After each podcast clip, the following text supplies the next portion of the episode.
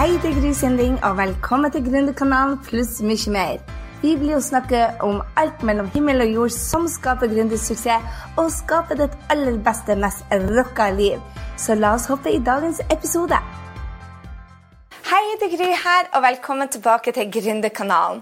Du, I dag skal du få møte en av mine beste venninner her i Amerika. Hun heter Selina So, og vi bare connecta helt. Hun er en av de store connecterne. Altså, Det går ikke en dag uten at jeg hører noen som nevner Selina. Og hun er bare noen få 30 år, altså mye yngre enn meg. I hvert fall 15 år yngre enn meg. Og allikevel så er hun en av de som er nøkkelspillerne, som kjenner bare absolutt hvem det er å kjenne, og er så flink til å connecte. Og det er noe jeg mener vi i Norge kan lære ut av. Rett og slett connecte folk som kan hjelpe hverandre. Og det er det hun lærer oss i denne podkasten. Så hvis du ikke har en power friend, eller du ikke har de rundt deg som, som du mener kan hjelpe deg, så lytt til denne podkasten og hør hennes tips om hvordan du kan skape deg det beste nettverket noen gang.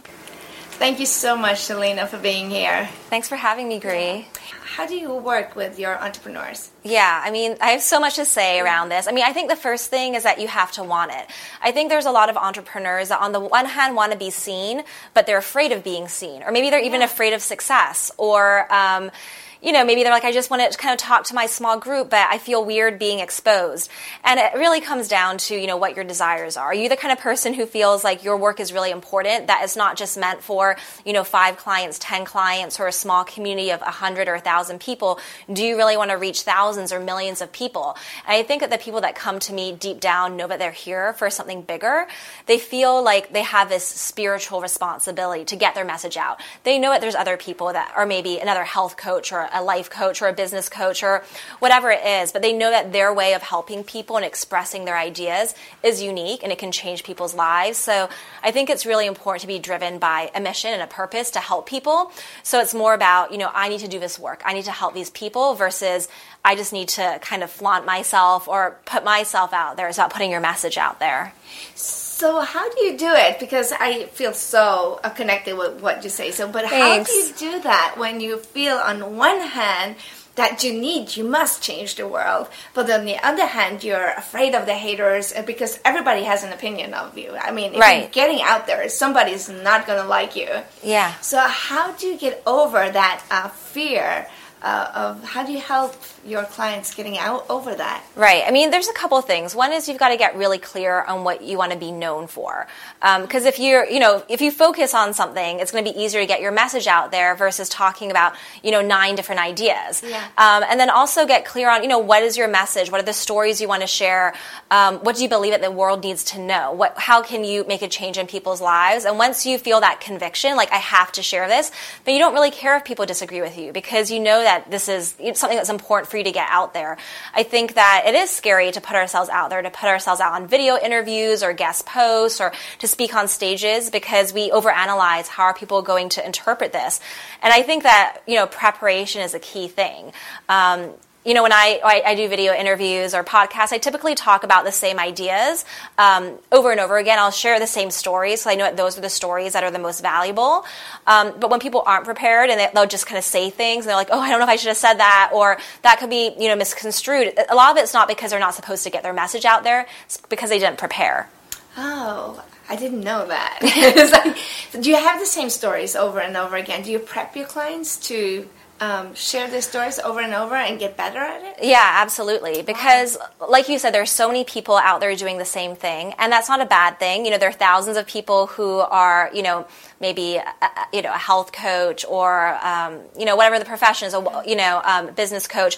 But the thing is, you you want to be memorable, and you also want your message to land. And people have such a short attention span that you've got to kind of grab their hearts and their attention right away. And so you do that through story or sharing interesting things or ideas. I feel like you know you almost have to be a little bit provocative um, or, or talk about things in a really compelling way. Otherwise, maybe people see you, but they don't remember you, and it's as if nothing happened. Oh, I love that.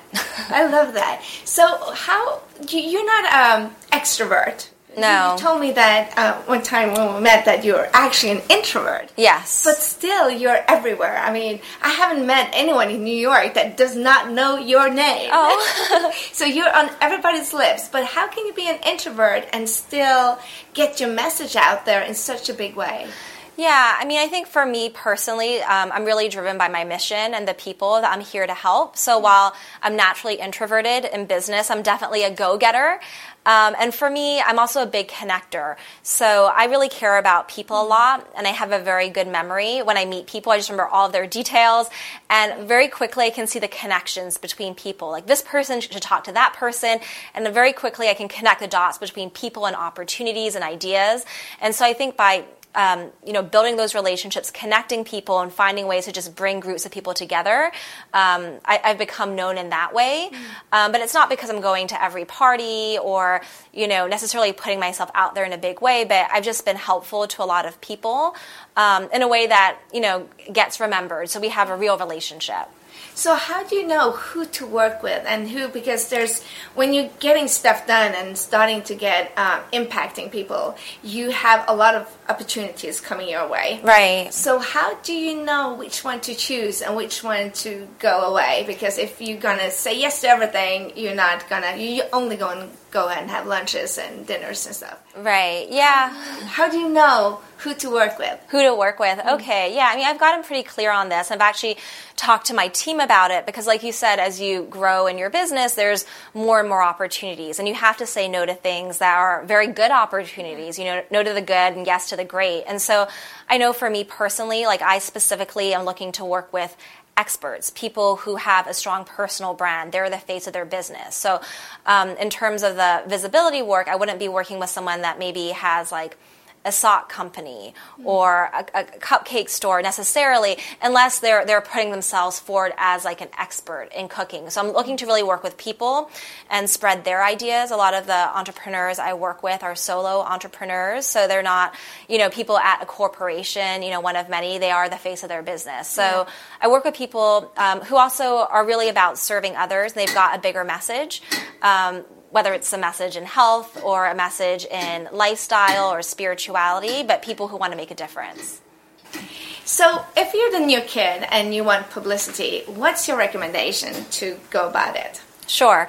Um, the first thing is I think you need to get really clear on what kind of publicity you want because publicity oftentimes it's to help you in reaching an end goal. So for some people they want publicity because they want to elevate their brand and be seen as a go-to expert. Others want it because they want to build their email list to get high-end one-on-one clients or maybe they want publicity to help them get a book deal. So you want to get clear on what kind of publicity is going to serve you. So for example, if you're um, a coach and you're launching a group program, I really believe the best kind of publicity is not traditional publicity like TV or being in print magazines, which may be sexy, but I think it's even better to be doing interview shows and podcasts like this.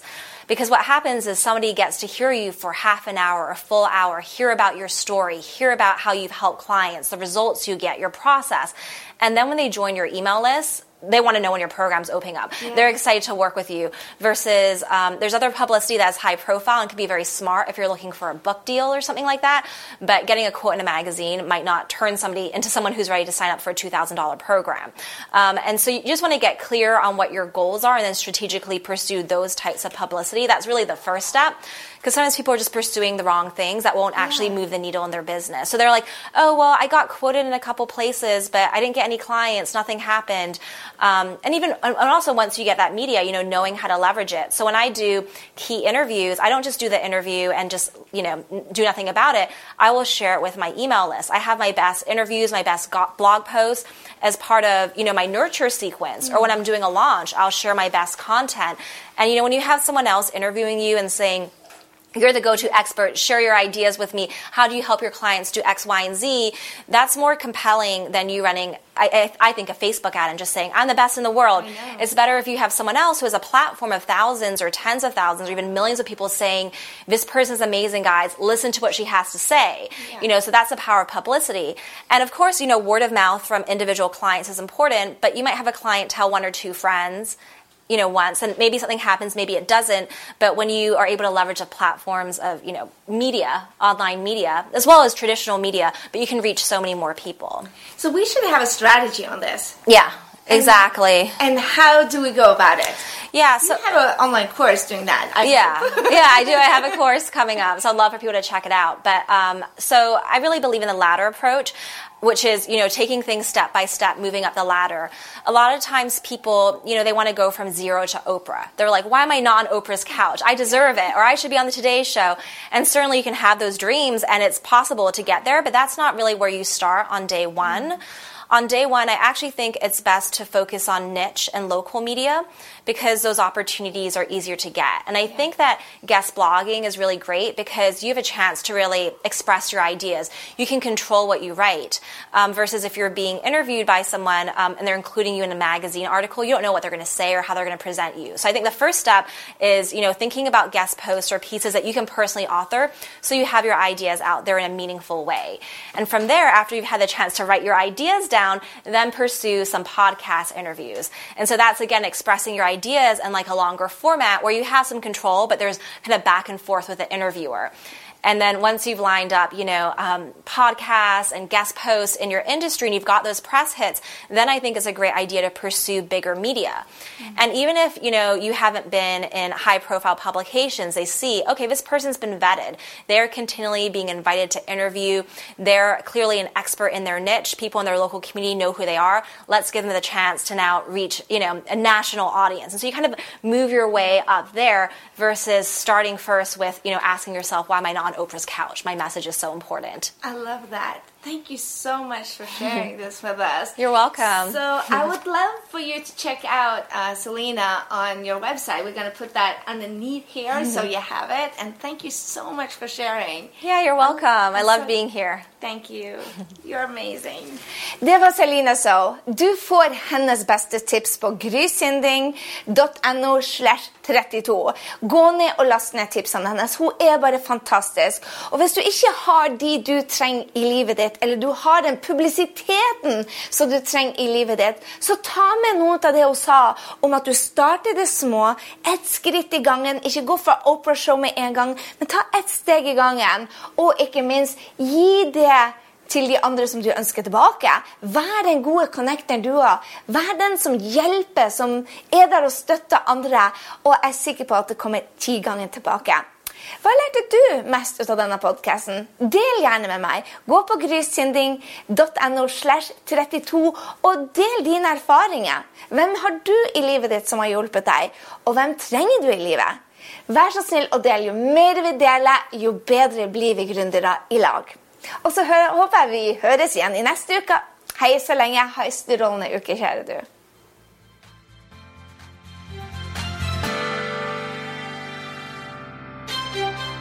Jeg håper du ble superinspirert til å ta nye action etter denne episoden av Gründerkanalen pluss mye mer. Gå nå til grysynding.no og legg igjen en kommentar på denne episoden om hva du tar med deg. Jeg vil gjerne høre fra deg. Og få mer gründertrening på skapdindrømmejobb.no. Glem heller ikke å abonnere, sånn at vi treffes neste gang på Gründerkanalen pluss mye mer. Ha en fantastisk dag, så høres vi.